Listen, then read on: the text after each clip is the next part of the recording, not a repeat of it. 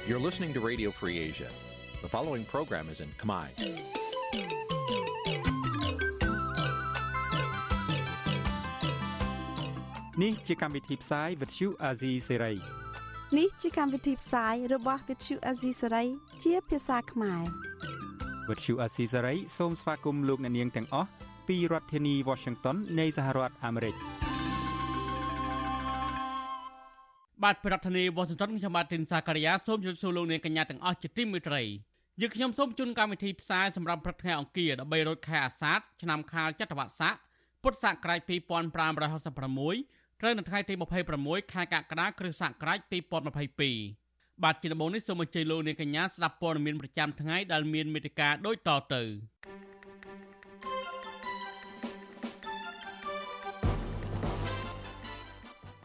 សភានឹងពិភាក្សាអនុម័តសេចក្តីព្រាងស្នើការរដ្ឋធម្មនុញ្ញដល់ចម្រុងចម្រាស់នៅថ្ងៃប្រហ័សនេះ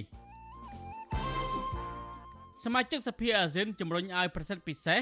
និងរដ្ឋជាសមាជិកអាស៊ានតកល់ទោសការប្រហារជីវិតអ្នកទោសនយោបាយ4នាក់ដោយរបបសឹកភូមា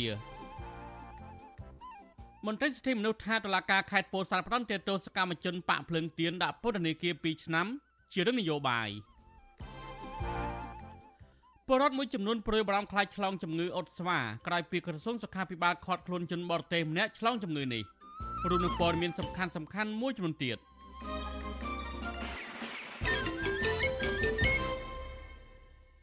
បាទលោកនាយកទីមេត្រីជាបន្តទៅនេះខ្ញុំបាទទីនសាករិយាសូមជូនព័ត៌មានពុស្ដាក្រុមសមាជិកសភាអាស៊ានដើម្បីសិទ្ធិមនុស្ស APHR ជំរុញប្រសិទ្ធពិសេសនឹងរដ្ឋជាសមាជិកអាស៊ានឲ្យថ្កោលទោសការប្រហារជីវិតលើអ្នកទោសនយោបាយចំនួន4នាក់ ប្រព្រឹត្តដោយរបបសឹកភូមិខុសច្បាប់អតីតរដ្ឋមន្ត្រីការបរទេសថៃនិងជាសមាជិកគណៈកម្មាធិការនយោបាយរបស់ APHR លោកកសិទ្ធភិរមថ្លែងនៅក្នុងសេចក្តីថ្លែងការណ៍របស់ APHR ផ្សាយថ្ងៃទី25កក្កដាថាការមិនគោរពតាមកិច្ចព្រមព្រៀងចែកឆ័ន្ទ5ចំណុចដល់របបសឹកភូមាបង្ហាញឲ្យឃើញយ៉ាងច្បាស់ជាពិសេសនៅពេលដែលរបបនេះបានប្រកាសពីការប្រហារជីវិតលើអ្នកទោសនយោបាយក្នុងពេល2សប្តាហ៍ ក្រោយដំណើរទស្សនកិច្ចរបស់ប្រធានពិសេសអាស៊ានស្ដីពីមីយ៉ាន់ម៉ានិងជារដ្ឋមន្ត្រីការបរទេសកម្ពុជាលោកប្រាក់សុខុនទៅកាន់ប្រទេសភូមាលោកកសិទ្ធភិរមជំរុញឲ្យប្រសិទ្ធពិសេសនិងរដ្ឋជាសមាជិកអាស៊ានតកល់ទោសអំពើប្រហារជីវិតនេះនិងពិចារណាឡើងវិញពីវិធីសាស្ត្រក្នុងការដោះស្រាយវិបត្តិនៅភូមាលោកថាចំណុចចាប់ផ្ដើមអាចមានដូចជាការដាក់សម្ពាធជាតន្តកម្មជាក់លាក់ទៅលើរបបសឹកភូមានិងការហាមប្រាមមិនឲ្យក្រុមមេដឹកនាំរបបសឹកភូមា ធ្វើដំណើរមកកាន់តំបន់អាស៊ានជាដើមក្រុមសមាជិកសភាអាស៊ានដើម្បីសិទ្ធិមនុស្សបានហៅអំពើប្រហារជីវិតប្រព្រឹត្តដោយរបបសឹកភូមាមកលើអ្នកទស្សនយោបាយចំនួន4រូបថាជាអំពើយងខ្នងនៃប្រព័ន្ធយុត្តិធម៌របស់របបសឹកភូមាអ្នកទស្សនយោបាយភូមាទាំង4រូបដែលត្រូវបានរបបសឹកភូមាប្រហារជីវិតនេះសុទ្ធតែត្រូវបានចាប់ប្រកាន់ដោយច្បាប់ប្រឆាំងអំពើភេរវកម្មមីយ៉ាន់ម៉ា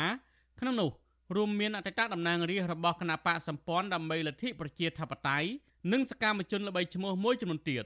អំពើប្រហារជីវិតធ្វើឡើងដោយប្រព័ន្ធតុលាការនៃរបបយោធានៅពេលនេះគឺជាលើកទី1ហើយចាប់តាំងពីឆ្នាំ1988មកដែលប្រទេសមីយ៉ាន់ម៉ាឬភូមាបានសន្យាថានឹងលុបបំបាត់ចោលទោសប្រហារជីវិតនេះនេះបើយោងតាមអង្គការលើកលែងទោសអន្តរជាតិអ្នកនាំពាក្យក្រសួងការបរទេសកម្ពុជាលោកជុំសុនទ្រីប្រាប់វិទ្យុអាស៊ីសេរីនៅក្នុងសារតាមបណ្ដាញសង្គម Telegram កាលពីល្ងាចថ្ងៃទី25កក្កដាថា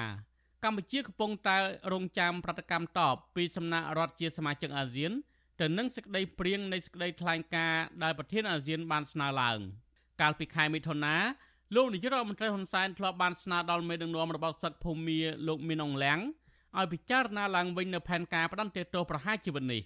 និងដើម្បីជៀសវាងការអនុវត្តការកាត់ទោសប្រហារជីវិតដល់អ្នកដែលប្រឆាំងនឹងការដឹកនាំរបស់របបសឹកក្រុមឃ្លាំមើលសកម្មជនភូមាដែលមានឈ្មោះថា សមាគមជួយអ្នកទោសនយោបាយឲ្យដឹងថាចាប់តាំងពីមានអំពើរដ្ឋប្រហារដោយក្រុមយោធាភូមាកាលពីដើមឆ្នាំ2021មកមនុស្សចំនួន117នាក់ត្រូវបានតុលាការនៃរបបសឹកភូមាកាត់ទោសប្រហារជីវិតបើតាមអង្គការដដាលនេះពលរដ្ឋភូមាជាង2100នាក់ត្រូវបានសម្លាប់ដោយកងកម្លាំងសន្សុកនៅរបបសឹកខុសច្បាប់ភូមាកម្ពុជាក្នុងនាមជាប្រធានបដូវវិនអាស៊ានឆ្នាំ2022កំពុងរងការរិះគន់ថាព្យាយាមឲ្យតម្លៃ និងទទួលស្គាល់របបសឹកភូមិខុសច្បាប់ពេញមុខពេញមាត់នឹងធ្វើឲ្យរបបនេះអាចបន្តអំណាចខុសច្បាប់បានយូរអង្វែងទៅទៀតដោយតាមការចង់បានរបស់ប្រទេសកុម្មុយនីសចិនដែលជាសម្ព័ន្ធមិត្តរបស់ក្រមយោធាភូមាផងដែរ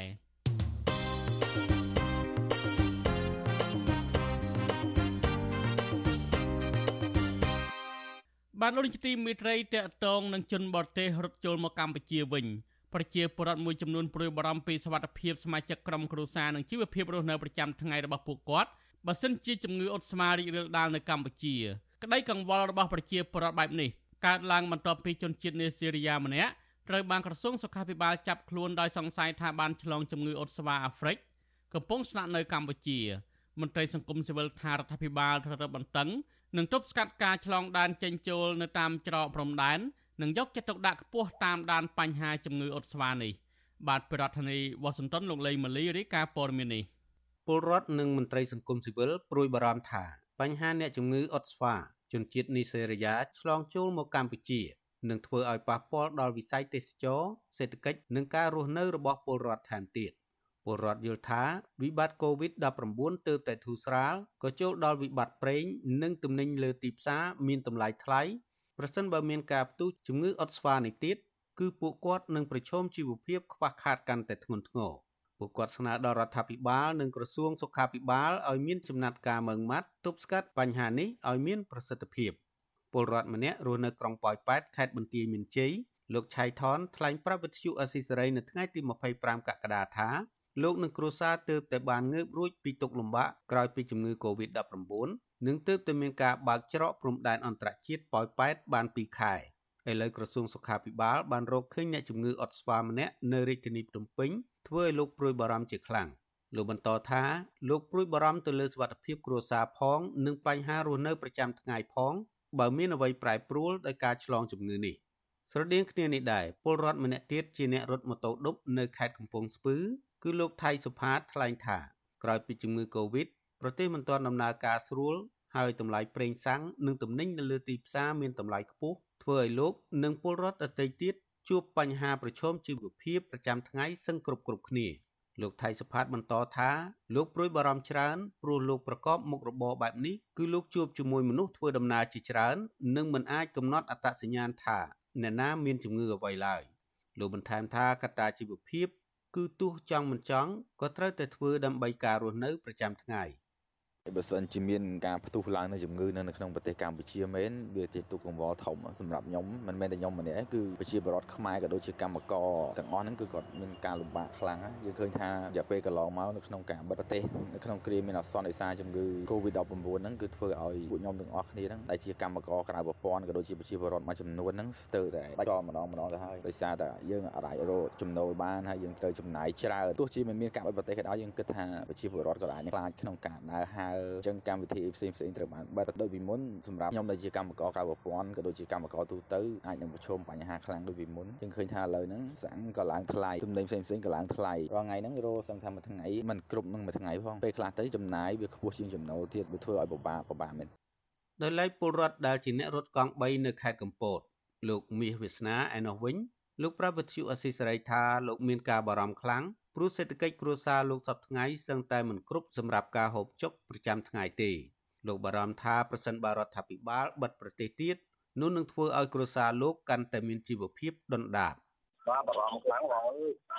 រកឡើងថ្លៃឥឡូវធ្លាប់បាន4 5ម៉ឺនឥឡូវបាន20000អឺទិញមកហូបអស់10000ដែរគឺបារម្ភខ្លាំងមិននឹងដោះស្រាយតាមវិធីដែរទេបងតែប្រកបមុខរបរកង់បីដូចខ្ញុំនឹងនៅក្រៅប្រព័ន្ធអត់មានប្រាក់ខែអត់មានស្អីទៅនៅជីវភាពខ្លួននៅរកង់បីអញ្ចឹងហើយដល់ពេលឲ្យស្វាមតាទៀតគេបិទមតាទៀតបាក់ជាបាច់ចោលហើយតែបាច់កាប់ហើយបងបាទកាប់បាត់ទុកទៀតគឺនិយាយចោលបាត់គឺស្វប់ពុកហើយគឺអត់បាយហូបហ្នឹងមកព្រោះរងថ្ងៃរបានអញ្ចឹងផ្ទះ ក្តីបារម្ភរបស់ពលរដ្ឋនេះធ្វើឡើងបន្ទាប់ពីក្រសួងសុខាភិបាលឃាត់ខ្លួនជនបរទេសម្នាក់កាលពីថ្ងៃទី23កក្កដាដោយសង្ស័យថាឆ្លងជំងឺអុតស្វាអាហ្វ្រិករដ្ឋលេខាធិការក្រសួងសុខាភិបាលអ្នកស្រីអាវ៉ាន់ឌិនបានចេញវីដេអូបញ្ជាក់ពីស្ថានភាពជំងឺរបស់ជនជាតិនីសេរីយ៉ាថាមានសភាពធម្មតានិងទទួលបានការថែទាំនិងយកចិត្តទុកដាក់ពីក្រុមគ្រូពេទ្យអ្នកស្រីអះអាងថាចំពោះអ្នកដែលបានប៉ះពាល់ជាមួយអ្នកជំងឺចំនួន5នាក់ ត្រូវបានឲ្យនៅដាច់ដោយឡែកនៅគេហដ្ឋានរបស់ពួកគាត់អ្នកស្រីអាវ៉ាន់ឌិនបញ្ជាក់ទៀតថានៅពេលបុគ្គលណា ដែលមិនទាន់មានរោគសញ្ញាដោយការសង្ស័យគឺមិនទាន់មានតម្រូវការឲ្យធ្វើតេស្តវិភាគនៅមន្ទីរពិសោធន៍ទេនិងឲ្យនៅដាច់ដោយឡែកពីក្រុមគ្រួសារអ្នកស្រីបញ្ជាក់បន្ថែមថាជំងឺអុតស្វានេះគឺមិនឆ្លងលឿនរហ័សដូចជំងឺ Covid-19 នោះទេ គឺជំងឺ Covid-19 ឆ្លងតាមផ្លូវដង្ហើមប៉ុន្តែជំងឺអុតស្វាអាចឆ្លងបានតាមរយៈការប៉ះពាល់ជាមួយអ្នកជំងឺ និងជៀសវាងការប្រើប្រាស់សម្ភារៈជាមួយអ្នកជំងឺឬអ្នកដែលសង្ស័យឆ្លងជំងឺនេះជុំវិញរឿងនេះប្រធានមជ្ឈមណ្ឌលប្រជាពលរដ្ឋដើម្បីអភិវឌ្ឍនិងសន្តិភាពលោកយងកំឯងយល់ឃើញថាលោកសោកស្ដាយចំពោះទង្វើរបស់ជនជាតិនីសេរីយ៉ាដែលរត់គេចពីប្រទេសថៃចូលមកកម្ពុជានេះលោកបន្តថា ជំងឺអុតស្វាគឺជាការព្រួយបារម្ភមួយនិងត្រូវតាមដានយកចិត្តទុកដាក់ដើម្បីផ្ដល់ក្តីសង្ឃឹមដល់ពលរដ្ឋព្រោះពួកគាត់ជួបបញ្ហាកន្លងមកច្រើនពាក់ព័ន្ធនឹងវិបត្តិជំងឺ Covid-19 បញ្ហាសេដ្ឋកិច្ចនិងទំនិញលើទីផ្សារឡើងថ្លៃ។ បញ្ហាងឺអុតស្វានេះជារឿងសំខាន់នៅក្នុងការបង្កើតនូវក្តីសង្ឃឹមសម្រាប់ប្រជាពលរដ្ឋដូចជាការរកស៊ីទទួលទានរបស់ប្រជាពលរដ្ឋផងដែរបាទបើសិនជាយើងមិនអាចទប់ស្កាត់បានធ្វើឲ្យវាមានបញ្ហាឬក៏ការដែលអាចនឹងរីករាលដាលនឹងគឺជាបញ្ហាធំបាទប្រទេសកម្ពុជាគួរតែបង្កើនការគ្រប់គ្រងការ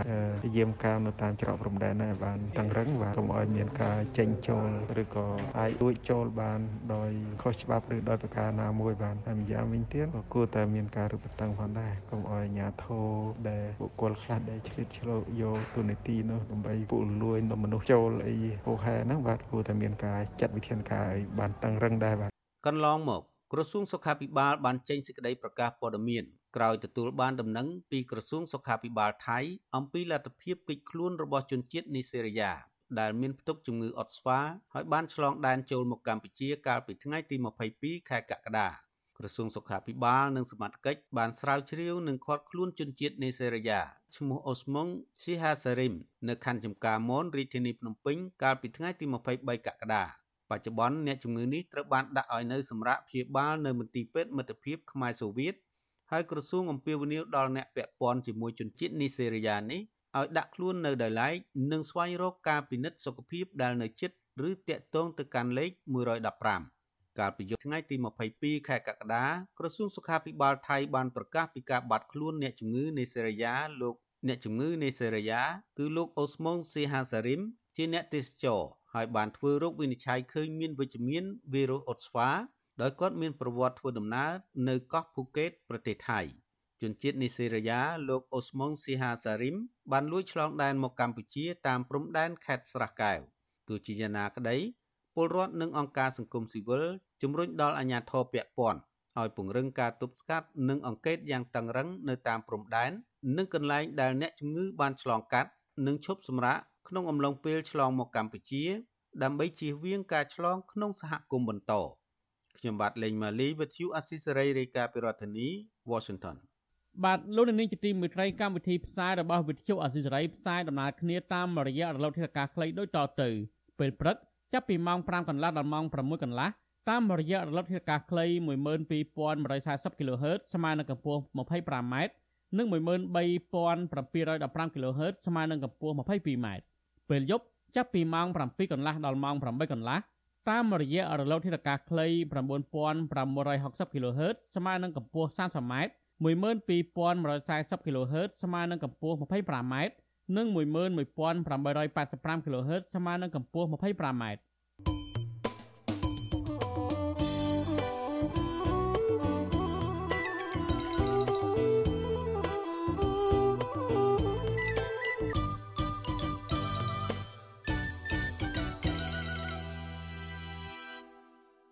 បាទលោកនាយកទីមេត្រីតេតងនឹងសភាឯកបកក្រងនឹងកែរដ្ឋធម្មនុញ្ញវិញ រដ្ឋសភាឯកបកនឹងពិភាក្សាអនុម័តសេចក្តីព្រាងច្បាប់កែរដ្ឋធម្មនុញ្ញដ៏ចម្រុងចម្រាស់នៅថ្ងៃប្រហ័សទី28កក្កដាខាងមុខនេះនេះបើយោងតាមសេចក្តីជូនដំណឹងរបស់អគ្គលេខាធិការដ្ឋានរដ្ឋសភាផ្សាយនៅថ្ងៃទី25កក្កដាប្រធានរដ្ឋសភាលោកហេងសំរិននឹងដឹកនាំសម័យប្រជុំរដ្ឋសភាដើម្បីអនុម័តការកែរដ្ឋធម្មនុញ្ញនេះនិងអនុម័តរបៀបវរៈមួយចំនួនទៀត។អ្នកនាំពាក្យរដ្ឋសភាលោកលេងពេញឡុងប្រាប់វិទ្យុអសិរ័យតាមបណ្ដាញសង្គម Telegram កាលពីថ្ងៃទី25កក្កដាថា គណៈកម្មការជំនាញរបស់រដ្ឋសភានឹងពិនិត្យមើលសេចក្តីព្រាងកែរដ្ឋធម្មនុញ្ញនេះហើយពុំមានការកែប្រែណាមួយទៅលើខ្លឹមសារទាំងស្រុងនៃសេចក្តីព្រាងច្បាប់ការរដ្ឋធម្មនុញ្ញដែលរដ្ឋាភិបាលបានស្នើឡើងនោះឡើយ។បាទមិនឃើញមានការបកកែប្រែទេបាទនឹងខាងគណៈកម្មការជំនាញគេសិក្សាគេបានធ្វើរបាយការណ៍មួយសូមគណៈចន្ទ្រៃដាក់សេចក្តីព្រាងច្បាប់ធម្មនុញ្ញហ្នឹងទៅក្នុងរវិវរៈនៃសម័យប្រជុំពេញអង្គដើម្បីជូនអង្គសភាពិនិត្យនិងអនុម័ត លោកលេងពេញឡងអះអាងថាគណៈកម្មការជំនាញសភាបានពិនិត្យមើលញត្តិរបស់គណៈបកនយោបាយចំនួន4នៅក្រៅរដ្ឋាភិបាលដែលស្នើឲ្យរដ្ឋសភាទម្លាក់ចោលគម្រោងការរដ្ឋធម្មនុញ្ញនេះក៏ប៉ុន្តែលោកថាការសម្រេចយ៉ាងណាគឺអាស្រ័យលើអង្គសភាពេញអង្គជាអ្នកបោះឆ្នោតអនុម័តគណៈបកក្រៅរដ្ឋាភិបាលចំនួន4ក្នុងនោះមានគណៈបកភ្លើងទៀនគណៈបកប្រជាធិបតេយ្យមូលដ្ឋានគណៈបកឆន្ទៈខ្មែរ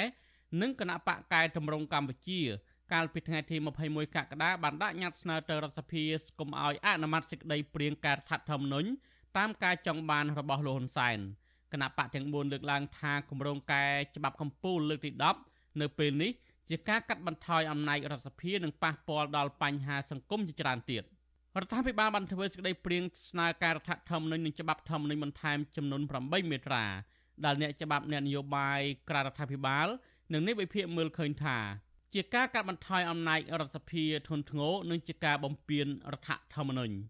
ការស្នើការរដ្ឋធម្មនុញ្ញដែលនឹងបន្ថយអំណាចឬធ្វើឲ្យអំណាចសភាដែលមានចែងនៅក្នុងរដ្ឋធម្មនុញ្ញនោះចុះខ្សោយរួមមានការដកយកអំណាចរដ្ឋសភាក្នុងការបញ្ជូនឈ្មោះបេក្ខជននាយករដ្ឋមន្ត្រីថ្វាយទៅព្រះមហាក្សត្រនិងការបង្កើនចំនួនសមាជិកសភាពី30ទៅ42នាក់ នៅពេលរដ្ឋសភាចង់ស្នើញត្តិស្ដីបន្ទោសរដ្ឋាភិបាលម្ដងម្ដងទើបរដ្ឋសភាអាចលើកយកមកពិភាក្សាបាន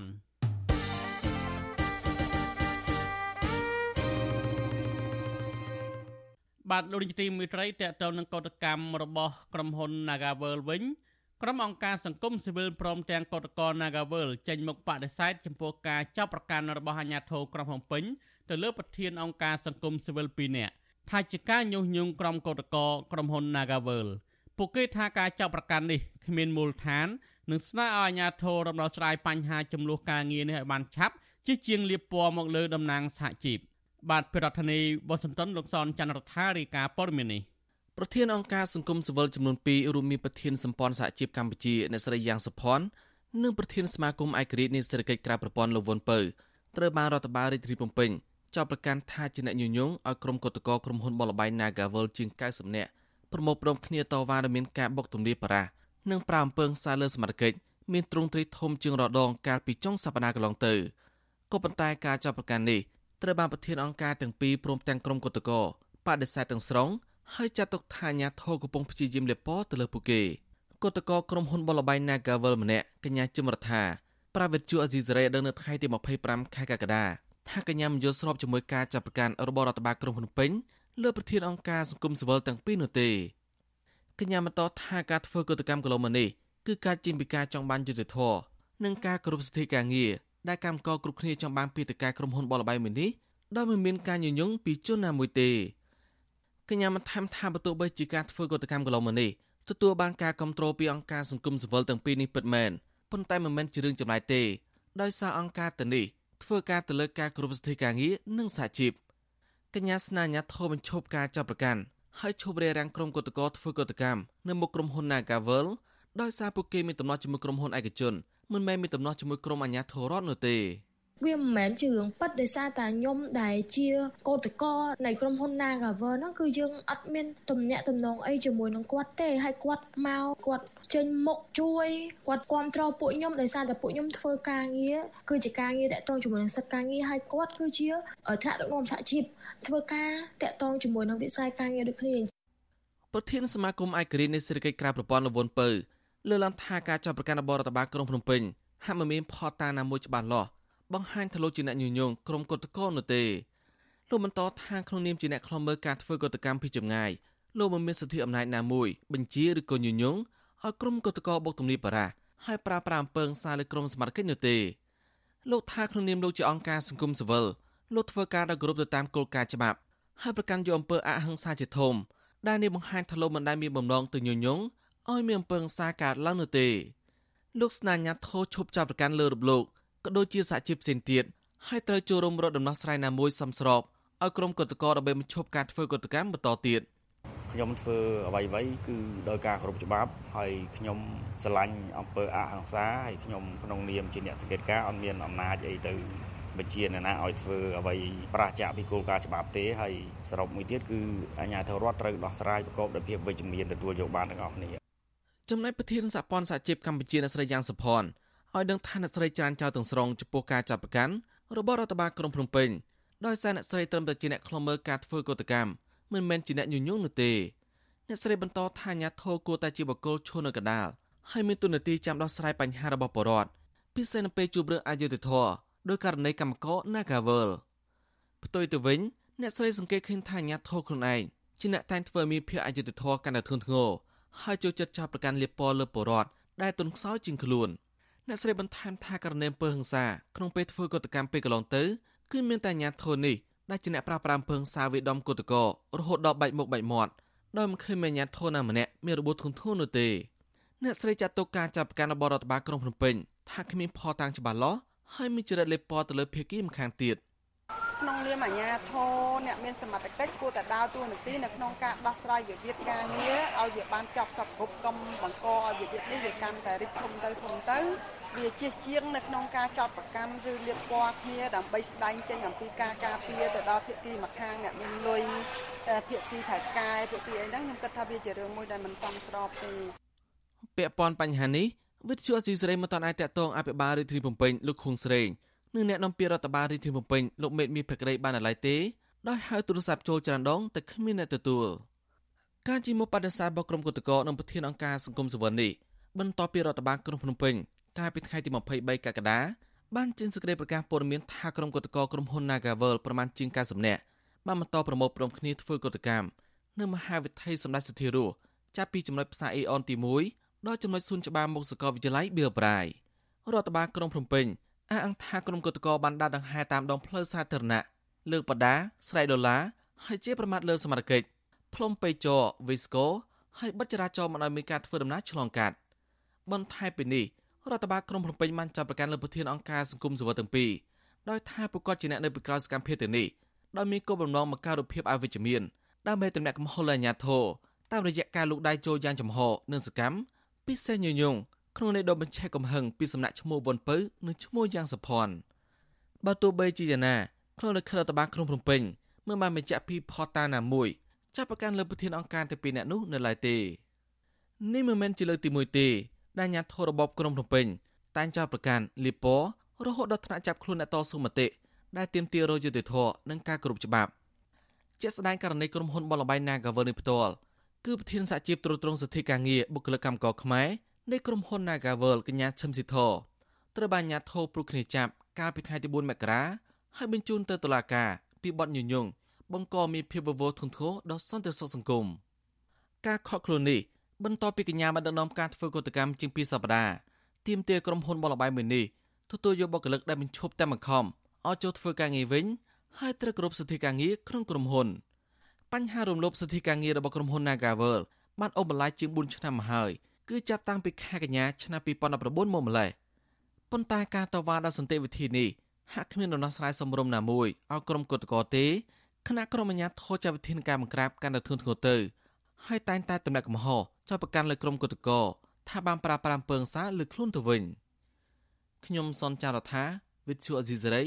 រាយការណ៍ពីរដ្ឋធានីវ៉ាស៊ីនតោនបាទលោកនាយកទីមេត្រីក្នុងឱកាសនេះដែរខ្ញុំបាទសូមថ្លែងអំណរគុណដល់លោកនាងកញ្ញាទាំងអស់ដែលតែងតែមានភក្ដីភាពចំពោះការផ្សាយរបស់យើងហើយចាត់ទុកការស្ដាប់វិទ្យុអាស៊ីសេរីជាផ្នែកមួយនៃសកម្មភាពប្រចាំថ្ងៃរបស់លោកនាងការគ្រប់គ្រងរបស់លោកនាងនេះហើយដែលធ្វើឲ្យយើងខ្ញុំមានទឹកចិត្តកាន់តែខ្លាំងថែមទៀត ក្នុងការស្វែងរកនិងផ្តល់ព័ត៌មានជូនលោកនាងមានអ្នកស្ដាប់មានអ្នកទស្សនាកាន់តែច្រើនកាន់តែធ្វើឲ្យយើងខ្ញុំមានភាពស្វាហាប់មោះមុតជាបន្តទៅទៀតយើងខ្ញុំសូមអរគុណទុកជាមុនហើយសូមអញ្ជើញលោកនាងកញ្ញាចូលរួមជំរុញឲ្យសកម្មភាពផ្តល់ព័ត៌មានរបស់យើងនេះកាន់តែជោគជ័យបន្ថែមទៀតលោកនាងអាចជួយយើងខ្ញុំបានដោយគ្រាន់តែចុចចែករំលែកឬ share ការផ្សាយរបស់យើងនៅលើបណ្ដាញសង្គម Facebook និង YouTube ទៅកាន់មិត្តភ័ក្តិដើម្បីឲ្យការផ្សាយរបស់យើងបានទៅដល់មនុស្សកាន់តែច្រើនសូមអរគុណ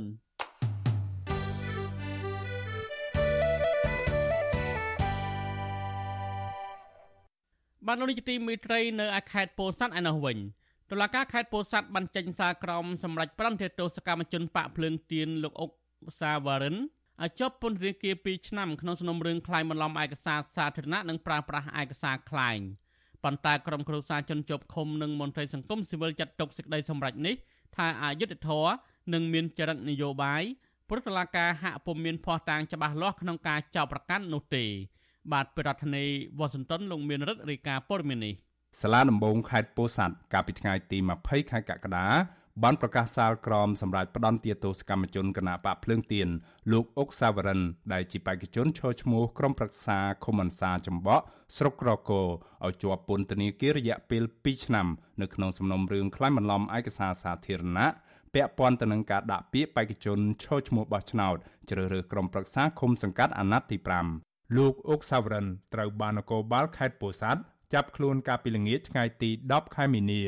ក្នុងសំណុំរឿងនេះដែរតឡាការខេត្តនេះនៅមិនទាន់ជំនុំជម្រះបេក្ខជនមេឃុំស្រែស្ដុកស្រុកកណ្ដៀងម្នាក់ទៀតគឺលោកឈួនឈឿងនៅឡើយទេគិតត្រឹមថ្ងៃទី25ខែកក្កដាកូនប្រុសរបស់លោកអុកសាវរិន គឺលោកអុកសៅសុភារាប្រាវិសុយស៊ីស្រីនៅថ្ងៃទី25ខែកក្កដាថាលោកខកចិត្តជាខ្លាំងចំពោះតឡាការខេត្តពោធិ៍សាត់ ដែលបានកាត់ទោសឲ្យឪពុករបស់លោកជាប់ពន្ធនាគាររយៈពេល2ឆ្នាំ ទាំងដែលគ្មានកំហុសហើយលោកចាត់ទុកការសម្រេចនេះថាគឺជារឿងនយោបាយដើម្បីធ្វើទុកបុកម្នេញមកលើសកម្មជននយោបាយដោយមិនអាចទទួលយកបាននោះទេកូនប្រុសរបស់សកម្មជនគណៈបកភ្លើងទៀនរូបនេះព្រួយបារម្ភអំពីសុខភាពរបស់ឪពុកលោកជាខ្លាំងដោយសារអាហារហូបចុកនៅក្នុងពន្ធនាគារមិនគ្រប់គ្រាន់និងបន្ទប់ឃុំឃាំងតូចចង្អៀតណែនជាដើម។ ទៅទៅរឿងនេះវាជារឿងនយោបាយព្រោះឪពុកខ្ញុំគាត់មិនដែលមានបញ្ហាអីនៅក្នុងស្រុកភូមិទេចាប់តាំងដែលពីគាត់ធ្វើចូលគណៈបកភ្លឹងទៀននឹងមកចាប់ផ្ដើមមានការគៀបសង្កត់ហើយនៅពេលដែលយើងរើសបេក្ខជនរើសអីគេតែងតែតាមធ្វើទុកបុកម្នេញអញ្ចឹងមានការសោកស្ដាយមែនទែនព្រោះទាំងឪពុកខ្ញុំដែលគាត់គ្មានកំហុសបែរជាចាប់គាត់ខ្លួននិងកាត់ទោសឲ្យឪពុកខ្ញុំជាប់ពន្ធនាគាររហូតដល់ទៅដល់2ឆ្នាំ គ្រួសាររបស់លោកអុកសាវរិនអះអាងថាពួកគាត់នឹងជួបជាមួយមេធាវីនៅថ្ងៃទី26ខែកក្កដាដើម្បីពិភាក្សាផ្នែកច្បាប់និងត្រៀមដាក់បណ្ដឹងទាស់ទៅសាលាឧទ្ធរដើម្បីឲ្យតុលាការជាន់ខ្ពស់ច្រានចោលការចាប់ប្រកាន់ដោយគ្មានមូលដ្ឋានទៅលើឪពុកនិងប្តីរបស់ខ្លួន Visual C ស្រីមិនទាន់អាចតាក់ទងแนะនាំពាក្យតុលាការខេត្តពោធិ៍សាត់លោកហេងដូនីនដើម្បីបញ្ជាក់ជុំវិញរឿងនេះបាននៅឡើយទេនៅថ្ងៃទី25ខែកក្កដា ចាប់តាំងពីខែមីនាមកទល់ពេលនេះអាជ្ញាធរខេត្តពោធិ៍សាត់បានចាប់ខ្លួនសកម្មជនរបស់គណៈបកភ្លើងទៀនដាក់ពន្ធនាគារចំនួន4នាក់ហើយក្នុងនោះលោកឈួនឈឿងជាបេក្ខជនមេឃុំស្រែស្ដុកស្រុកកណ្ដៀងនិងលោកអុកសាវរិន ជាបេក្ខជនក្រុមប្រឹក្សាឃុំអន្សាចំបក់ស្រុកក្រគរដោយចោទប្រកាន់ពួកលោកពីបទក្លែងបន្លំឯកសារសាធារណៈ ចំណែកលោកហែមឆិលគឺជាបេក្ខជនក្រុមប្រឹក្សាឃុំសៀស្រុកកណ្ដៀងនិងកូនប្រុសអាយុ15ឆ្នាំម្នាក់ត្រូវបានចោទប្រកាន់ពីបទប្រើប្រាស់ឧបករណ៍នេសាទខុសច្បាប់ក៏ប៉ុន្តែក្រោយមកក្មេងប្រុសឈ្មោះពឹមដាវ៉ាន់ត្រូវបានសាលាដំបងខេត្តពោធិ៍សាត់ដោះលែងពីពន្ធនាគារវិញកាលពីថ្ងៃទី4ខែឧសភារីឯលោកហែមឆិលត្រូវបានសាលាឧទ្ធរបាត់ដំបងចេញសារដីកាសម្រាប់ដោះលែងឲ្យនៅក្រៅឃុំបណ្ដោះអាសន្នកាលពីថ្ងៃទី21ខែកក្កដា សកម្មជនគណៈបកភ្លើងទៀនលោកហែមឆលប្រាវិសុយស៊ីស្រីថាលោករីករាយពេលមានសេរីភាពជួបជុំក្រុមគ្រួសារឡើងវិញក៏ប៉ុន្តែលោកនៅតែចាត់ទុកករណីនេះថាជារឿងនយោបាយព្រោះលោកគ្មានកំហុសដោយតាមការចោទប្រកាន់របស់តុលាការឡើយលោកហែមឆលបដញ្ញាចិត្តយ៉ាងមោះមុតបន្តសកម្មភាពឥតរាធយជាមួយគណៈបកភ្លើងទៀនតទៅទៀតទោះទទួលរងនឹងការធ្វើទុកបុកម្នេញផ្នែកនយោបាយយ៉ាងណាក៏ដោយក្តី ខ្ញុំថានេះជារឿងនយោបាយព្រោះបាទខ្ញុំមិនមានកំហុសអីទេព្រោះខ្ញុំបូមសាសឯងមិនត្រូវមានកំហុសគេគ្រប់គ្នាគេបូមដូចខ្ញុំដែរក៏អត់មានកំហុសមានកំហុសអីទេខ្ញុំគេភ្ជាប់រឿងនយោបាយគេចាំតែធ្វើស៊ីខ្ញុំរហូតណាខ្ញុំនៅតែចូលគណៈបកភ្លឹងទីនដដែលហ្នឹងព្រោះខ្ញុំជួបពន្ធនាគារនេះគេមិនហាមឃាត់ខ្ញុំអត់ឲ្យដើរនយោបាយគណៈបកភ្លឹងទីនទៀតណាខ្ញុំនៅតែជួយប្រជាពលរដ្ឋខ្ញុំនៅតែខឹមថាថ្ងៃណាមួយនឹងឈ្នះខ្ញុំខានយើងជាមនុស្សស្អាតស្អំ ជុំវិញរឿងនេះមន្ត្រីសង្គមស៊ីវិលដែលតាមដានរឿងនេះក៏សម្គាល់ឃើញថាភ័ស្តុតាងដែលអាជ្ញាធរយកមកដាក់បន្ទុកសម្រាប់ចោតប្រកាន់ទៅលើសកម្មជនទាំងនោះហាក់មិនច្បាស់លាស់ហើយដំណើរការនៃការអនុវត្តនីតិវិធីទៀតសោតក៏ហាក់មានភាពមិនប្រក្រតីថែមទៀត អ្នកខ្លំមើលការរំលោភសិទ្ធិមនុស្សនៃអង្គការ Liga do ប្រចាំខេត្តពោធិ៍សាត់លោកចឹកចត្រាយល់ថារឿងក្តីនេះគឺជារឿងនយោបាយជាជាងការអនុវត្តច្បាប់ ដែលតឡាការមិនគួរចោតប្រកាន់ទៅលើសកម្មជនគណៈបកភ្លើងទៀនដែលមាននានាការនយោបាយផ្ទុយពីគណៈបកកណ្ដាលអំណាចបែបនេះទេលោកបន្តថាអ្នកប្រើប្រាស់សិទ្ធិនយោបាយដែលធានាដោយរដ្ឋធម្មនុញ្ញតឡាការគួរតែទម្លាក់ចោលការចោតប្រកាន់និងដោះលែងពួកគេឲ្យមានសេរីភាពឡើងវិញ នាមសង្គមស៊ីវិលយើងឃើញថាការចោតប្រកាន់លើសកម្មជនក៏ដូចជាអ្នកដែលមាននាការផ្ទុយពីគណៈបកកណ្ដាលអំណាចវាជាការរំលោភបំពានសិទ្ធិនយោបាយរបស់ពួកគាត់ទូទៅយើងឃើញថាកម្មភាពដែលពួកគាត់ធ្វើវាហាក់បីដូចជាមានការរដ្ឋបិទសិទ្ធិក្នុងការចូលរួមបោះឆ្នោតមុនពេលបោះឆ្នោតជាទូទៅតែចំពោះរឿងហ្នឹងបើយើងមើលជាក់ស្ដែងទៅយើងឃើញថាជារឿងនយោបាយជាជាងរឿងការអនុវត្តច្បាប់ក្រមគ្រួសារនិងអង្គការសង្គមស៊ីវិលជាតិ ចាត់ទុករឿងក្តីក្តាំនេះថាជាការធ្វើទុកបុកម្នេញផ្នែកនយោបាយនិងថ្កោលទោសរដ្ឋាភិបាលលោកហ៊ុនសែនចំពោះការប្រើប្រាស់ប្រព័ន្ធតុលាការដើម្បីបង្ក្រាបសម្លេងគណៈបកនយោបាយដែលលេចធ្លោនិងជាដៃគូប្រកួតប្រជែងជាមួយគណៈបកកណ្ដាលអំណាចពួកគេស្នើឲ្យតុលាការទម្លាក់ចោលការចោទប្រកាន់និងដោះលែងជនជាប់ឃុំទាំងនោះឲ្យមានសេរីភាពឡើងវិញដោយគ្មានលក្ខខណ្ឌខ្ញុំបានមេរិត Visual C ស្រីរាយការណ៍ពីរដ្ឋធានី Washington បាទលោកនាយកទីមេត្រីតកតងនឹងសំណុំរឿងនៅតុលាការនេះដែរនៅឯរាជធានីភ្នំពេញវិញតុលាការកំពូលនឹងប្រកាសសេចក្តីសម្រេចលើការសុំនៅក្រៅឃុំរបស់ស្ថាបនិកគណៈបកបដងជាតិនៅថ្ងៃទី27កក្កដានេះមេធាវីការពារក្តីលោកជួងជងីស្នើសុំតុលាការកំពូលដោះលែងកូនក្តីរបស់លោកគឺលោកសៀមភ្លុកឲ្យនៅក្រៅឃុំបណ្ដោះអាសន្នដោយសំអាងថាកូនក្តីរបស់លោកមិនបានប្រព្រឹត្តកំហុស ដោយការចោទប្រកាន់របស់តុលាការនោះឡើយមន្ត្រីសង្គមស៊ីវិលអះអាងថាការបន្តឃុំខ្លួនលោកស៊ីមភ្លុកនឹងធ្វើឲ្យប៉ះពាល់ដល់លំហសិទ្ធិសេរីភាពនយោបាយនៅកម្ពុជាតឡាការកំពូលបានបើកសវនាការស្នើសុំនៅក្រៅឃុំរបស់លោកសៀមភ្លុកកាលពីព្រឹកថ្ងៃទី25កក្កដាដោយបានអនុញ្ញាតឲ្យលោកសៀមភ្លុកនិងមេធាវីរបស់លោកមានពេលវេលាគ្រប់គ្រាន់ក្នុងការឆ្លើយបំភ្លឺទាក់ទងនឹងបណ្ដឹងសារទុកនេះលោកសៀមភ្លុកបានស្នើសុំតុលាការកំពូលដោះលែងលោកឲ្យមានសេរីភាព ដោយលោកអះអាងថាលោកគ្មានចេតនាខ្លាចបន្លំស្នាមមេដៃណាមួយក្នុងការចុះបញ្ជីបង្កើតគណៈបកកន្លងមកនោះទេហើយម្យ៉ាងទៀតលោកកំពុងមានជំងឺទំនោរផ្អែមផងដែរជាមួយគ្នានេះលោកបានស្នើសុំឲ្យមានកិច្ចអន្តរាគមន៍ពីតុលាការកំពូលចំពោះសកម្មភាពរបស់មន្ត្រីនៅពុទ្ធនេគារដែលបានប្រព្រឹត្តសកម្មភាពមកលើរូបលោកប្រៀបដូចជាជនមានទោសខណៈលោកមិនទាន់ត្រូវបានកាត់សេចក្តីថាមានទោសនៅឡើយនោះឆ្លើយតបនឹងការស្នើសុំរបស់លោកសៀមភ្លុកទាមទារឲ្យមានការគោរពសិទ្ធិ ក្នុងឋានៈលោកមិនមែនជាជនមានទោសនោះតុលាការកំពូលបានលើកឡើងថាការគ្រប់គ្រងជនជាប់ចោតមិនមែនជាដានសមត្ថកិច្ចរបស់តុលាការកំពូលនោះទេហើយតុលាការកំពូលបានឲ្យលោកសៀមភ្លុករត់ដំណោះស្រាយពីអាយកាអមសាលដំបងរាជធានីភ្នំពេញវិញដោយឡែកចំពោះសេចក្តីសម្រេចលើបណ្ដឹងសារទុកសំនៅក្រៅឃុំរបស់លោកសៀមភ្លុកតឡាការកំពូលនឹងប្រកាសនៅព្រឹកថ្ងៃទី27កក្កដាខាងមុខនៅក្នុងដំណើរការសវនកម្មនេះដែរមេធាវីការពារក្តីលោកសៀមភ្លុកគឺលោកមេធាវីជួងជងី បានស្នើសុំឲ្យតុលាការកំពូលដោះលែងកូនក្តីរបស់លោកឲ្យមានសេរីភាពឡើងវិញដោយលោកមេធាវីសំអាងថាកូនក្តីរបស់លោកជាមនុស្សស្អាតសមហើយលោកសៀមភ្លុកមិនមែនជាអ្នករៀបចំដោយផ្ទាល់ដៃក្នុងការដាក់ឯកសារទៅក្រសួងមហាផ្ទៃកន្លងមកនោះទេជាមួយគ្នានេះដើម្បីធានាថាទោះជាកូនក្តីរបស់លោកនៅក្រៅឃុំហើយមិននាំឲ្យរាំងស្ទះដល់ដំណើរការកាត់ក្តីលោកបានស្នើសុំឲ្យតុលាការកំពូលដាក់លក្ខខណ្ឌមួយចំនួនមកលើលោកសៀមភ្លុកនៅពេលនៅក្រៅឃុំ ជាជាងបន្តឃុំខ្លួនកូនក្តីរបស់លោកដោយអយុត្តិធម៌ហើយម្យ៉ាងទៀតក្នុងករណីថាឯកសារអស់នឹងមានការខ្លាញ់ច្រឡំក៏អត់បានផ្ដល់ចេតនកម្មដល់ក្រសួងមហាផ្ទៃដែរគឺបានន័យថាអត់មានអ្នកខូចខាតប្រយោជន៍ដោយសារតែភាពមិនប្រក្រតីនៃឯកសារអស់នឹងបាទវិទ្យុអសិរ័យមិនអាចតកតងអគ្គលេខាធិការតុលាការកំពូលលោកស្រីម៉ៅធីតាដើម្បីសុំសួរអំពីបញ្ហានេះបន្ថែមបានទេនៅថ្ងៃទី25កក្កដាជុំវិញនឹងករណីនេះ នាយករដ្ឋមន្ត្រីផ្នែកឃ្លាំមើលនឹងការពារសិទ្ធិមនុស្សនៃអង្គការ Liga do លោកអំសំអាតលើកឡើងថាលោកសៀមភ្លុកមិនមានចេតនាណាមួយក្នុងការក្លែងបន្លំឯកសារឡើយដោយលោកចាត់ទុកថាការផ្តិតមេដៃមិនប្រក្រតីដែលក្រសួងមហាផ្ទៃបានចាប់ប្រកាន់មកលើលោកសៀមភ្លុកនោះគ្រាន់តែជាកំហុសឆ្គងមិនត្រូវពិនិត្យឲ្យបានត្រឹមត្រូវតែប៉ុណ្ណោះការដោះលែងលោកជាភ្លុកឲ្យនៅក្រៅឃុំបដាអាសន្នគឺវិជាការមួយជួយកាត់បន្ថយនូវភាពតានតឹង ផ្នែកការរិះគន់ទាក់ទងនឹងបញ្ហាបរិយាកាសនយោបាយគិតមកដល់ថ្ងៃនេះស្ថាបនិកគណៈបកបេដងជាតិលោកសៀមភ្លុកបានជាប់ពន្ធនាគារអស់រយៈពេល3ខែមកហើយដោយលោកត្រូវបានសាលាដំបងរាជធានីភ្នំពេញសម្រេចឃុំខ្លួន កាលពីថ្ងៃទី28មិថុនាកន្លងទៅក្រោមបទចោទប្រកាន់ករណីក្លែងបន្លំនិងប្រើប្រាស់លិខិតក្លែងក្នុងការបង្កើតគណៈបកបេដងជាតិកាលពីឆ្នាំ2021អង្គការសង្គមស៊ីវិលនិងអង្គការអន្តរជាតិកន្លងមក តែងតែលើកឡើងថាការឃុំខ្លួនលោកសៀមភ្លុកគឺជាការគំរាមកំហែងបំផិតបំភ័យ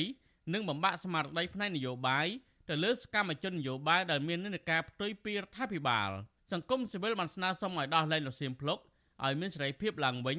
ដើម្បីលើកកម្ពស់លំហសេរីភាពនយោបាយមុនការបោះឆ្នោតថ្នាក់ជាតិឆ្នាំ2023ខាងមុខមកដល់។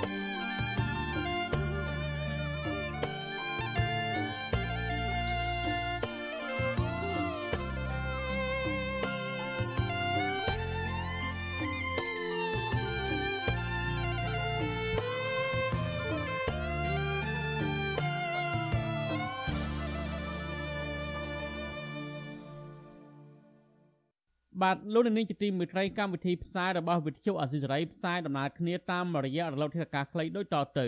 ពេលព្រឹកចាប់ពីម៉ោង5កន្លះដល់ម៉ោង6កន្លះតាមរយៈរលកធាតុអាកាសខ្លី12140 kHz ស្មើនឹងកម្ពស់ 25m និង13715 kHz ស្មើនឹងកម្ពស់ 22m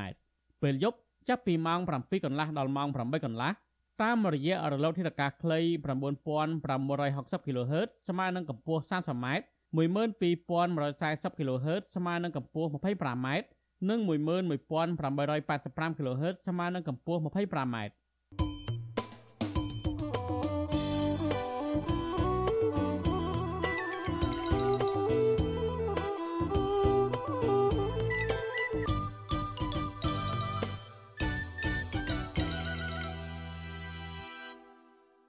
បានលោកនេះទីមេត្រីតេតទៅនៅបាត់ល្មើសគ្រឿងញៀនវិញ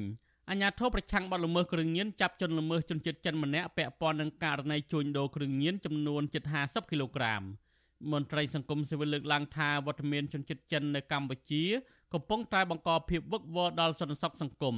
ជាពិសេសពាក់ព័ន្ធនឹងការនាំចូលគ្រឿងញៀននិងបន្តពង្រីករោងចក្រផលិតគ្រឿងញៀននៅកម្ពុជា បាទប្រធានាធិបតីវ៉ាស៊ីនតោនលោកជីវិតារាយការណ៍ព័ត៌មាននេះអញ្ញាធរបង្ក្រាបបទល្មើសគ្រឿងញៀនឲ្យដឹងថា ការបង្ក្រាបជនជាតិចិនដែលពាក់ព័ន្ធករណីជួញដូរគ្រឿងញៀនក្រុមសមត្ថកិច្ចបានបើកការស៊ើបអង្កេតពីថ្ងៃទី21កក្កដានៅ4គោលដៅផ្សេងផ្សេងគ្នា ក្នុងនោះ3គោលដៅស្ថិតនៅទីតាំងអគារខុនដូអូឡាំព្យានិងមួយគោលដៅទៀតស្ថិតនៅទីតាំងសន្តាគារ Joy Hotel ក្នុងសង្កាត់អូរស័យរាជធានីភ្នំពេញគេហទំព័រអគ្គស្នងការដ្ឋាននគរបាលជាតិនៅថ្ងៃទី25កក្កដាបង្ហាញថា ជនសង្ស័យគ្រឿងញៀនជនជាតិចិនដែលសមត្ថកិច្ចឃាត់ខ្លួនបានឈ្មោះហូហ្វេងវ៉ែនគ្រឿងញៀនដែលសមត្ថកិច្ចរឹបអូសបាន មានជាប្រភេទនីមេតាសេប៉ាមអេកស្តាស៊ីមេតាំហ្វេតាមីននិងកេតាមីនសរុបជិត50គីឡូក្រាមក្រៅពីនេះក៏មានជញ្ជីងថ្លឹងគ្រឿងញៀននិងឧបករណ៍សម្ភារៈវេចខ្ចប់គ្រឿងញៀនមួយចំនួនធំទៀតអញ្ញាធរប្រឆាំងបទល្មើសគ្រឿងញៀនអះអាងថា សមត្ថកិច្ចបានកសាងសំណុំរឿងបញ្ជូនជនជាតិចិនឈ្មោះហូវ៉េងវ៉ែនទៅសាលាដំបងរាជធានីភ្នំពេញតាមនីតិវិធីរួចរាល់ហើយវិទ្យុអាស៊ីសេរីមិនអាចតាក់ទងអគ្គស្នងការរងនគរបាលជាតិទទួលបន្ទុកប្រឆាំងបទល្មើសគ្រឿងញៀនលោកម៉ាក់ជីតូដើម្បីសុំការបញ្ជាក់បន្ថែមជុំវិញរឿងនេះបាននៅឡើយទេនៅថ្ងៃទី25កក្កដាចំណែកតុលាការក្រុងភ្នំពេញលោកតាំងសុនឡាយក៏មិនអាចតាក់ទងបានដែរនៅថ្ងៃដដែលនេះទោះជាយ៉ាងណា លោកមកជីតូធ្លាប់ប្រាប់វិទ្យុអាស៊ីសេរីថាបទល្មើសគ្រឿងញៀននៅកម្ពុជានៅមិនទាន់មានភាពថមថយនៅឡើយទេ លោកទទួលស្គាល់ថាថ្មីត្បិតអាជ្ញាធរមិនអាចទប់ស្កាត់បញ្ហាគ្រឿងញៀននេះឲ្យមានប្រសិទ្ធភាពយ៉ាងណាក្តីក៏សមត្ថកិច្ចជំនាញតែងចុះបង្ក្រាបទីតាំងរបស់ក្រុមអ ுக ្រិតជន បានទាន់ពេលជុំវិញរឿងនេះមន្ត្រីអង្គការសង្គមស៊ីវិលចង់ឃើញអាជ្ញាធរជំនាញមានចំណាត់ការទប់ស្កាត់បទល្មើសគ្រឿងញៀនឲ្យមានប្រសិទ្ធភាពជាមួយគ្នានេះ ពួកគេនៅតែបន្តស្នើយ៉ាងទទូចដល់អាជ្ញាធរឲ្យបើកការស៊ើបអង្កេតដោយឯករាជ្យដើម្បីចាប់ខ្លួនមេខ្លោងធំធំនិងអ្នកជាប់សង្ស័យពាក់ព័ន្ធក្នុងការជួញដូរគ្រឿងញៀននេះ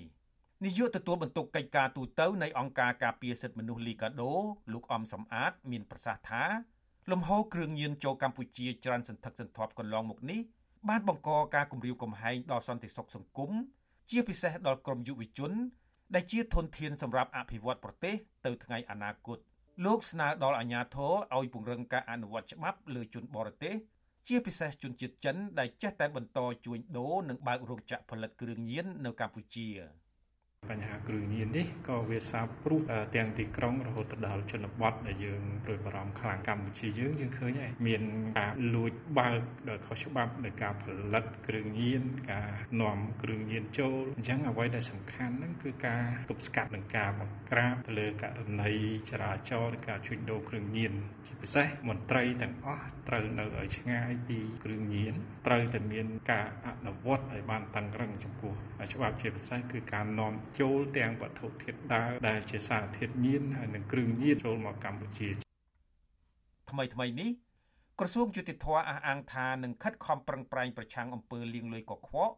គណៈអង្គការឃ្លាំមើលការលាងលុយកខ្វក់នៅលើពិភពលោកកាលពីខែមីនាកន្លងទៅ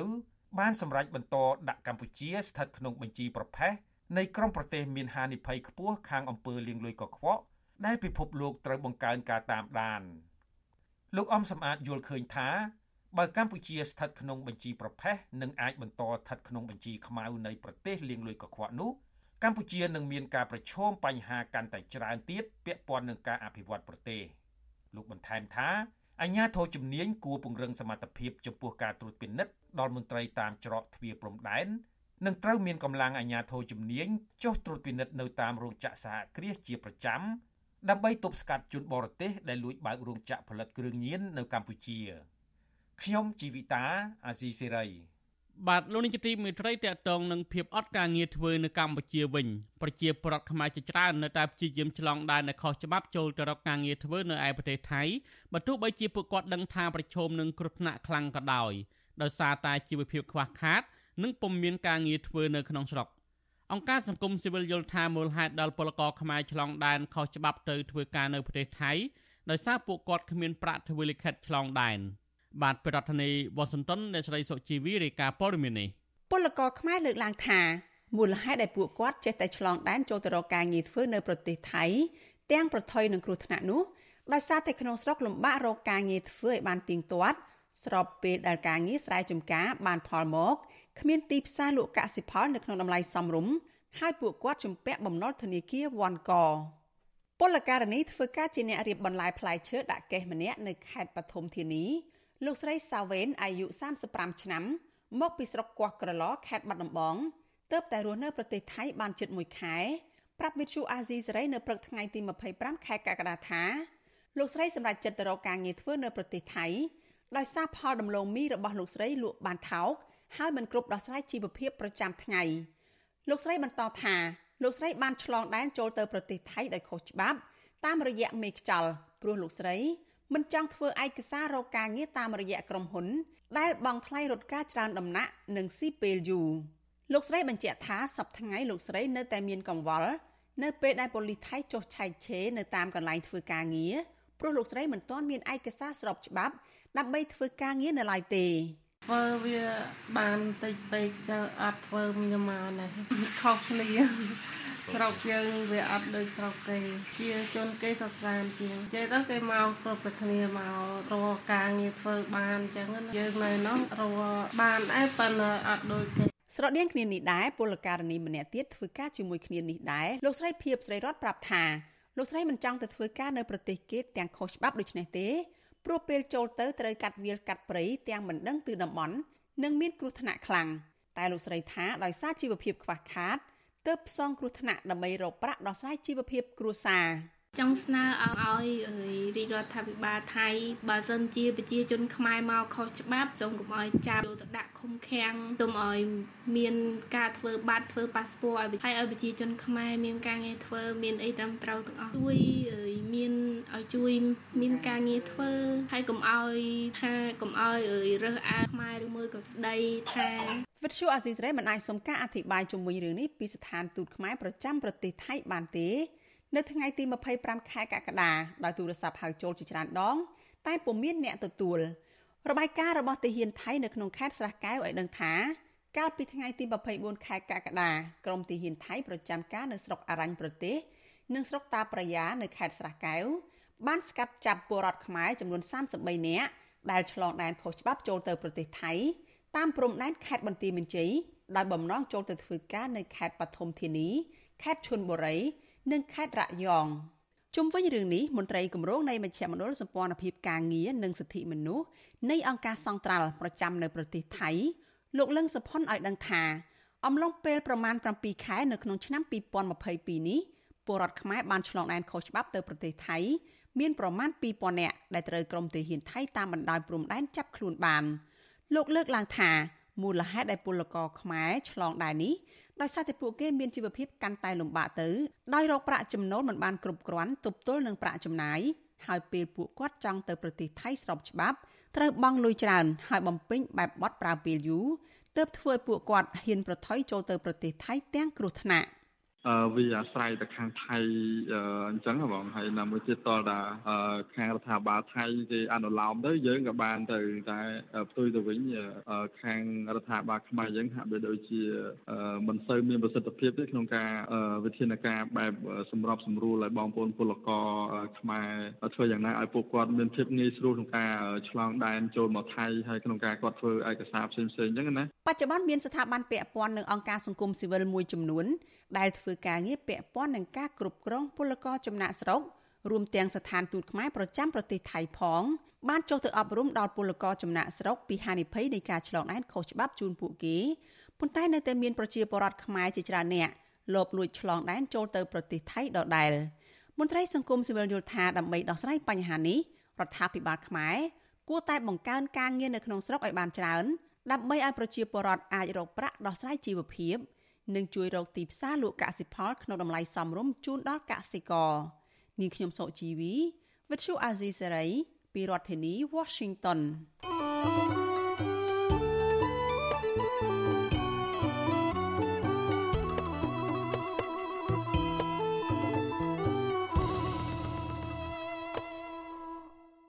បាទលោកទីមួយត្រីតទៅនឹងទិន្នផលកសិកម្មសម្រាប់នាំចេញទៅទីផ្សារក្រៅប្រទេសវិញ មន្ទីរកសិកម្មរុក្ខាប្រមាញ់និងនេសាទខេត្តបាត់ដំបងណែនាំឲ្យម្ចាស់ចំការមានបៃលិននិងចំការស្វាយឲ្យទៅចុះបញ្ជីចំការនិងស្នើសុំការបណ្ដោះបណ្ដាលការអនុវត្តកសិកម្មល្អកម្ពុជាសម្រាប់នាំចេញទៅក្រៅប្រទេសជាពិសេសប្រទេសចិនសេចក្តីជ្រំនឹងរបស់មន្ទីរកសិកម្មរុក្ខាប្រមាញ់និងនេសាទខេត្តបាត់ដំបងចេញកាលពីថ្ងៃទី25កក្កដាឲ្យដឹងថា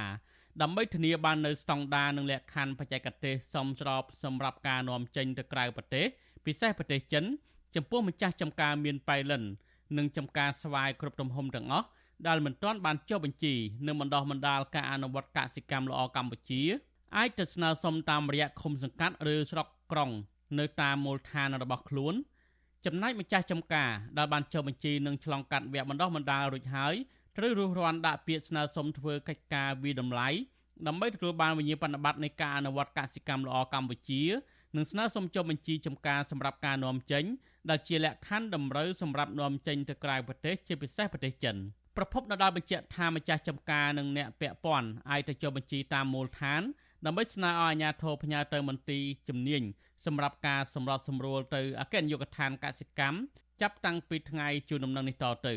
ក្នុងករណីដែលលោកនាងជាម្ចាស់ចំការចង់បានព័ត៌មានបន្ថែមស្ដីពីការចុះបញ្ជីនិងបណ្ដោះបណ្ដាលការអនុវត្តកសិកម្មល្អកម្ពុជា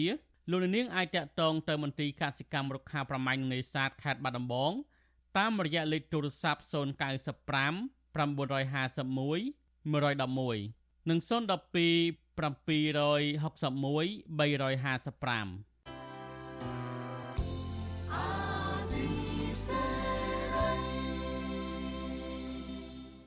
បានលោកជាទីមួយត្រីតទៅនឹងការលាងលុយកខ្វក់នៅកម្ពុជាវិញ មន្ត្រីអង្គការសង្គមស៊ីវិលចង់ឃើញអាជ្ញាធរមានឆន្ទៈពិតប្រាកដក្នុងការអនុវត្តច្បាប់ប្រឆាំងនឹងសកម្មភាពលាងលុយកខ្វក់ឲ្យមានប្រសិទ្ធភាពដែលគ្មានការលើកលែងដើម្បីឲ្យកម្ពុជារួចផុតពីបញ្ជីប្រផេះនៃប្រទេសលាងលុយកខ្វក់និងបញ្ជាទណ្ឌកម្មនានាពីសហគមន៍អន្តរជាតិព្រមទាំងរក្សាស្ថិរភាពសេដ្ឋកិច្ចសង្គមជាពិសេសអ្នកវិនិយោគទុនល្អល្អជាដើមសំណើនេះធ្វើឡើងបន្ទាប់ពីរដ្ឋមន្ត្រីក្រសួងយុទ្ធភ័ពស្នើដល់ក្រសួងនិងស្ថាប័នពាក់ព័ន្ធឲ្យចូលរួមប្រឆាំងការលាងលុយកខ្វក់ និងហិរញ្ញប្បទានភេរវកម្មនៃប្រទេសមានហានិភ័យខាងអំពើលាងលុយកខ្វក់បាទប្រធានាធិបតីវ៉ាស៊ីនតោនលោកជីវិតារីកាព័រមីនីមន្ត្រីអង្គការសង្គមស៊ីវិលជំរុញទៅរដ្ឋាភិបាលឲ្យបង្ហាញឆន្ទៈពិតប្រាកដក្នុងការអនុវត្តច្បាប់ដើម្បីប្រឆាំងនឹងអំពើលាងលុយកខ្វក់ឲ្យមានប្រសិទ្ធភាពអគ្គលេខាធិការសហព័ន្ធនិស្សិតបញ្ញវន្តកម្ពុជាលោកគៀនពុនលោកយល់ថាកម្ពុជា កំពុងក្លាយជាទីតាំងសវត្ថភាពសម្រាប់អ ுக ្រិតជន ធ្វើសកម្មភាពលាងលុយកខ្វក់និងភេរវកម្មបច្ចេកវិទ្យាខណៈដែលជនជាតិចិនដែលមានប្រវត្តិមិនល្អមួយចំនួនទទួលបានសញ្ជាតិខ្មែរ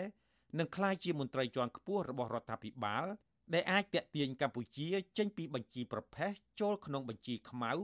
ប្រសិនបើអាជ្ញាធរមិនចាត់វិធានការទប់ស្កាត់និងអនុវត្តច្បាប់ឲ្យទាន់ពេលវេលានោះទេលោកគៀនពន្លកលើកឡើងថាអញ្ញាធរប្រកាសអនុវត្តច្បាប់ប្រយុទ្ធប្រឆាំងការលាងលុយកខ្វក់ពេលនេះ ហាក់ធ្វើឲ្យល្អមើលតែប៉ុណ្ណោះពីព្រោះលោកយល់ថាប្រសិនបើរដ្ឋាភិបាលមានឆន្ទៈពិតប្រាកដគឺអាចដោះស្រាយតាំងពីដំបូងប៉ុន្តែលទ្ធផលរយៈពេល3ឆ្នាំមកហើយកម្ពុជានៅតែជាប់ក្នុងបញ្ជីប្រទេសដែលមានហានិភ័យនៃការលាងលុយកខ្វក់ដដែលលើសពីនេះលោកថាវិធានការប្រឆាំងជនអ ுக ្រិតកន្លងមកគឺមានតែលើកក្រដាស់ដោយគ្មានសកម្មភាពណាមួយដើម្បីផ្ដល់ទំនុកចិត្តជូនពលរដ្ឋនិងសហគមន៍អន្តរជាតិនោះទេដូច្នេះ លោកហាក់គ្មានជំនឿថាក្រសួងស្ថាប័នរដ្ឋាភិបាល មានការទប់ស្កាត់ការលាងលុយកខ្វក់ឲ្យមានប្រសិទ្ធភាពនោះឡើយ។បើរដ្ឋាភិបាលគិតប្រយោជន៍ជាតិគិតប្រយោជន៍ប្រជាជនជាធំគឺរដ្ឋាភិបាលត្រូវតែអនុវត្តច្បាប់ឲ្យមានប្រសិទ្ធភាពហើយក៏មានភាពលំអៀងហើយទោះបីជាគាត់ពាក់ព័ន្ធជាមួយនឹងមន្ត្រីធំណាក៏ដោយទាំងជនជាតិចិនទាំងជនជាតិវៀតណាមត្រូវតែអនុវត្តច្បាប់ឲ្យស្មើភាពគ្នាចំពោះមុខច្បាប់ស្រដៀងគ្នានេះដែរ ប្រធានមជ្ឈមណ្ឌលប្រជាពលរដ្ឋដើម្បីអភិវឌ្ឍនិងសន្តិភាពលោកយ៉ងកំឯងសង្កេតឃើញថាជាច្រើនឆ្នាំកន្លងមកនេះការទប់ស្កាត់សកម្មភាពលាងលុយកខ្វក់ពីសំណាក់អាជ្ញាធរមានសមត្ថកិច្ចហាក់ពុំទាន់មានប្រសិទ្ធភាពដែលធ្វើឲ្យសាធារណជនតែងលើកមករិះគន់ជាបន្តបន្ទាប់លោកបញ្ជាក់ថាបញ្ហាសំខាន់ដែលត្រូវដោះស្រាយ គឺក្រសួងយុតិធធននិងអាជ្ញាធរពាក់ព័ន្ធត្រូវអនុវត្តច្បាប់ឲ្យបានម៉ឺងម៉ាត់និងបង្កើនសកម្មភាពប្រឆាំងបទឧក្រិដ្ឋទាំងនោះព្រមទាំងដោះស្រាយបញ្ហាអំពើពុករលួយ គ្រឿងញៀននិងអាជីវកម្មរបស់ឈ្មួញមួយចំនួន ដើម្បីធានាថាជនឆ្លៀតឱកាសនៅក្នុងប្រទេសលែងមានតទៅទៀត សំខាន់បាទដែលយើងគួរតែធ្វើកិច្ចការនេះឲ្យបានម៉ត់ចត់ហើយក៏ត្រូវតែមានការចូលរួមសហការពីគ្រប់ផ្នែកទាំងអស់ដែរបាទព្រោះវាជាបញ្ហារួមរបស់ជាតិហ្នឹងបានយើងអាចដោះស្រាយបញ្ហានេះទៅបានវិស័យយុតិធម៌នេះដើរតួនាទីសំខាន់នៅក្នុងរឿងនេះការបញ្ចេញប្រតិកម្មបែបនេះធ្វើឡើងក្រោយពីរដ្ឋមន្ត្រីក្រសួងយុតិធម៌លោកកើតរិទ្ធកាលពីថ្ងៃទី23កក្កដាបានស្នើឲ្យក្រសួងនិងស្ថាប័នផ្សេងផ្សេង ខិតខំបំពេញការងារដោយការទទួលខុសត្រូវដោយបន្តការបណ្ដុះបណ្ដាលនិងពង្រឹងសមត្ថភាពមន្ត្រីអនុវត្តច្បាប់លើការងារប្រឆាំងការសម្អាតលុយនិងហិរញ្ញប្បទានដល់ការរិះសាយភាយអាវុធមហាប្រឡ័យឲ្យមានប្រសិទ្ធភាពដើម្បីកម្ពុជាអាចត្រូវបានដកចេញពីបញ្ជីប្រភេទអស់រយៈពេលជាង3ឆ្នាំមកហើយគិតចាប់តាំងពីខែកុម្ភៈឆ្នាំ2019ដែលកម្ពុជាត្រូវបានអង្គការឃ្លាំមើលអំពើលាងលុយកខ្វក់នៅលើពិភពលោក ឈ្មោះក្រុមការងារហិរញ្ញវត្ថុ FATF ដាក់ក្នុងបញ្ជីប្រភេទនៃក្រុមប្រទេសដែលពិភពលោកត្រូវការបង្កើនការតាមដានខ្លាំងខាងអំពើលាងលុយកខ្វក់វិស័យមានហានិភ័យខ្ពស់ខាងអំពើលាងលុយកខ្វក់នៅកម្ពុជា រួមមានវិស័យធនាគារហិរញ្ញវត្ថុវិស័យសំណង់អចលនទ្រព្យនិងវិស័យកាស៊ីណូមន្ត្រីជាន់ខ្ពស់រដ្ឋាភិបាល ជាពិសេសរដ្ឋមន្ត្រីក្រសួងមហាផ្ទៃលោកសខេង ធ្លាប់ទទួលស្គាល់ថាកម្ពុជានឹងចប់បើអង្គការពិភពលោកមួយនេះសម្រេចដាក់ចូលក្នុងបញ្ជីខ្មៅនៃអំពើលាងលុយកខ្វក់ប៉ុន្តែមន្ត្រីសង្គមស៊ីវិលចង់ឃើញរដ្ឋាភិបាលមានឆន្ទៈពិតប្រាកដក្នុងការស៊ើបអង្កេតនិងការអនុវត្តច្បាប់ឲ្យបានតឹងរឹងជាពិសេសដាក់ទោសទណ្ឌលើអ្នកពាក់ព័ន្ធការលាងលុយកខ្វក់ឲ្យមានប្រសិទ្ធភាពដើម្បីឲ្យកម្ពុជារួចផុតពីបញ្ជីប្រភេទនៃប្រទេសលាងលុយកខ្វក់ នាយកប្រតិបត្តិនៃអង្គការដំឡាភិបកម្ពុជាលោកពេជ្រពិសីមានប្រសាសន៍ថាលោកស្វាគមន៍ចំពោះអាញាធរដែលបានដាក់ចេញនៅយន្តការប្រយុទ្ធប្រឆាំងការលាងលុយកខ្វក់និងហេរញ្ញប្បទានភេរវកម្មពេលនេះទោះជាយ៉ាងណាលោកឲ្យដឹងថាមូលហេតុដែលកម្ពុជាមិនអាចរួចចេញពីបញ្ជីប្រភេទនោះគឺតាក់ទងនឹងការអនុវត្តច្បាប់នៅមានកម្រិតនៅឡើយស្របពេលបទឧក្រិដ្ឋបែបនេះមានភាពស្មុគស្មាញ និងអាចជាប់ពាក់ព័ន្ធអាជ្ញាធរសហការជាមួយជនប្រព្រឹត្តដើម្បីទទួលបានផលប្រយោជន៍ទៀតផងលោកពេជ្រវិស័យបញ្ជាក់ថាបញ្ហានេះទាមទារឲ្យស្ថាប័នដែលមានជំនាញធ្វើការស៊ើបអង្កេតឲ្យបានត្រឹមត្រូវព្រមទាំងសហការជាមួយគ្រប់ភាគីចាំបាច់គឺយើងធ្វើម៉េចអនុវត្តច្បាប់នឹងឲ្យមានប្រសិទ្ធភាពខ្ពស់ជាពិសេសតកតងទៅនឹងការស៊ើបអង្កេតការស្រាវជ្រាវហើយអាចឈានទៅដល់ការចាប់ខ្លួនជនសង្ស័យដើម្បីយកមកធ្វើការវិនិច្ឆ័យទោស ទៅតាមនីតិទីច្បាប់ហ្នឹងកម្ពុជាបច្ចុប្បន្នយើងមានយន្តការកតិយុត្តគ្រប់គ្រាន់នៅក្នុងការធ្វើហើយក៏ប៉ុន្តែការអនុវត្តច្បាប់នៅមានកម្រិតនៅឡើយបាទអង្គការឃ្លាំមើលអំពើលាងលុយកខ្វក់នៅលើពិភពលោកដែលមានមូលដ្ឋាននៅទីក្រុងប៉ារីប្រទេសបារាំងកាលពីថ្ងៃទី4ខែមីនាបានសម្រេចបន្តដាក់កម្ពុជាស្ថិតក្នុងបញ្ជីប្រភេទនៃក្រុមប្រទេសមានហានិភ័យខាងអំពើលាងលុយកខ្វក់ដែលពិភពលោកត្រូវបង្កើនការតាមដានអង្គការនេះ បានសម្ដែងកង្វល់ជាខ្លាំងដែលកម្ពុជាខកខានមិនអាចបំពេញបានតាមផែនការសកម្មភាពដោយដែលបានដាក់ចេញកាលពីខែមករាឆ្នាំ2021ហើយដែលកម្ពុជាត្រូវកែប្រែជាបន្ទាន់ដើម្បីរួចខ្លួនចេញពីបញ្ជីប្រភេទនេះអង្គការឃ្លាំមើលអំពើលាងលុយកខ្វក់ដ៏មានឥទ្ធិពលនេះជំរុញយ៉ាងខ្លាំងដល់កម្ពុជាឲ្យបង្ហាញដល់សហគមន៍អន្តរជាតិអំពីការវិវត្តសំខាន់សំខាន់យ៉ាងឆាប់រហ័សក្នុងការបំពេញតាមផែនការសកម្មភាព ដែលកម្ពុជាត្រូវកែលម្អឲ្យបានត្រឹមខែមិថុនាឆ្នាំ2022អង្គការក្រមការងារហិរញ្ញវត្ថុនេះប្រមានថាបើពុំដូច្នោះទេ ខ្លួននឹងពិចារណានៅជំហានបន្ទាប់មកលើកម្ពុជាពាក់ព័ន្ធនឹងបញ្ហានៃអំពើលាងលុយកខ្វក់នេះបើតាមអង្គការនេះជំហានបន្ទាប់នោះគឺសម្ដៅដល់ការអំពាវនាវដល់ប្រទេសដែលជាសមាជិកទាំងអស់នៅទូទាំងពិភពលោក ឲ្យបង្កើនការតាមដានត្រួតពិនិត្យលើរាល់ទំនាក់ទំនងនិងប្រតិបត្តិការអាជីវកម្មទាំងអស់ជាមួយកម្ពុជានៅក្នុងតំបន់អាស៊ីអាគ្នេយ៍នៅក្នុងឆ្នាំ2022នេះក្រៅពីកម្ពុជា ប្រទេសមីយ៉ាន់ម៉ាឬភូមានិងប្រទេសហ្វីលីពីនក៏ជាប់ឈ្មោះក្នុងបញ្ជីប្រភេទនៃក្រុមប្រទេសដែលពិភពលោកត្រូវបង្កើនការឃ្លាំមើលខាងអំពើលាងលុយកខ្វក់មានប្រទេសសរុប23ប្រទេសកំពុងជាប់ឈ្មោះក្នុងបញ្ជីប្រភេទនេះ ខណៈប្រទេសកូរ៉េខាងជើងនិងប្រទេសអ៊ីរ៉ង់ជាប្រទេសពីរនៅលើពិភពលោកដែលជាប់ឈ្មោះក្នុងបញ្ជីខ្មៅនៃក្រុមប្រទេសមានហានិភ័យខ្ពស់ខាងអំពើលាងលុយកខ្វក់ដែលពិភពលោកមិនរាប់រកខ្ញុំជីវិតាអាស៊ីសេរី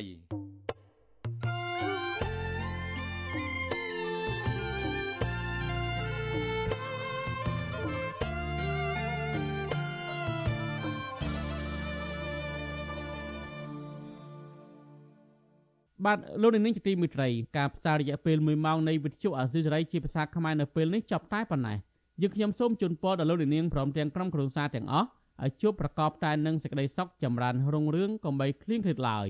ខ្ញុំបាទទីនសាករិយាព្រមទាំងក្រុមការងារទាំងអស់នៃវិទ្យុអាស៊ីសេរីសូមអរគុណនិងសូមជម្រាបលា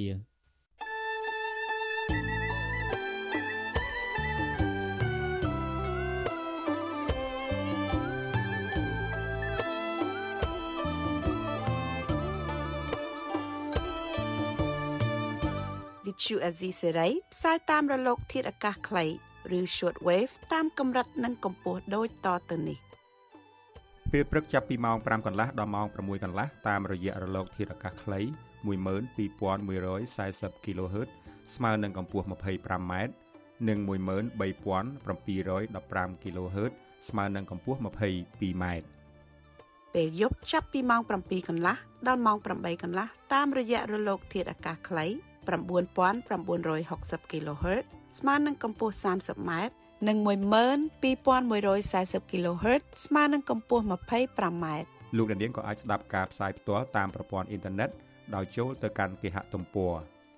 www.rfa.org/ ខ្មែរក្រៅពីនេះលោកអ្នកនាងក៏អាចអាននិងទស្សនាព័ត៌មានវិទ្យុអេស៊ីសរ៉ៃលើទូរស័ព្ទដៃរបស់លោកអ្នកផ្ទាល់ សូមលោកអ្នកនាងចូលទៅកាន់បណ្ដាញសង្គម Facebook ដែលមានអាសយដ្ឋាន www.facebook.com/rfa cambodia និង YouTube www.youtube.com/rfa khmer video សូមលោកអ្នកនាងចុច like និងចុច Subscribe ដើម្បីទទួលបានព័ត៌មានថ្មីៗទាន់ហេតុការណ៍និងទស្សនាវីដេអូផ្សេងៗទៀតបានគ្រប់ពេលវេលា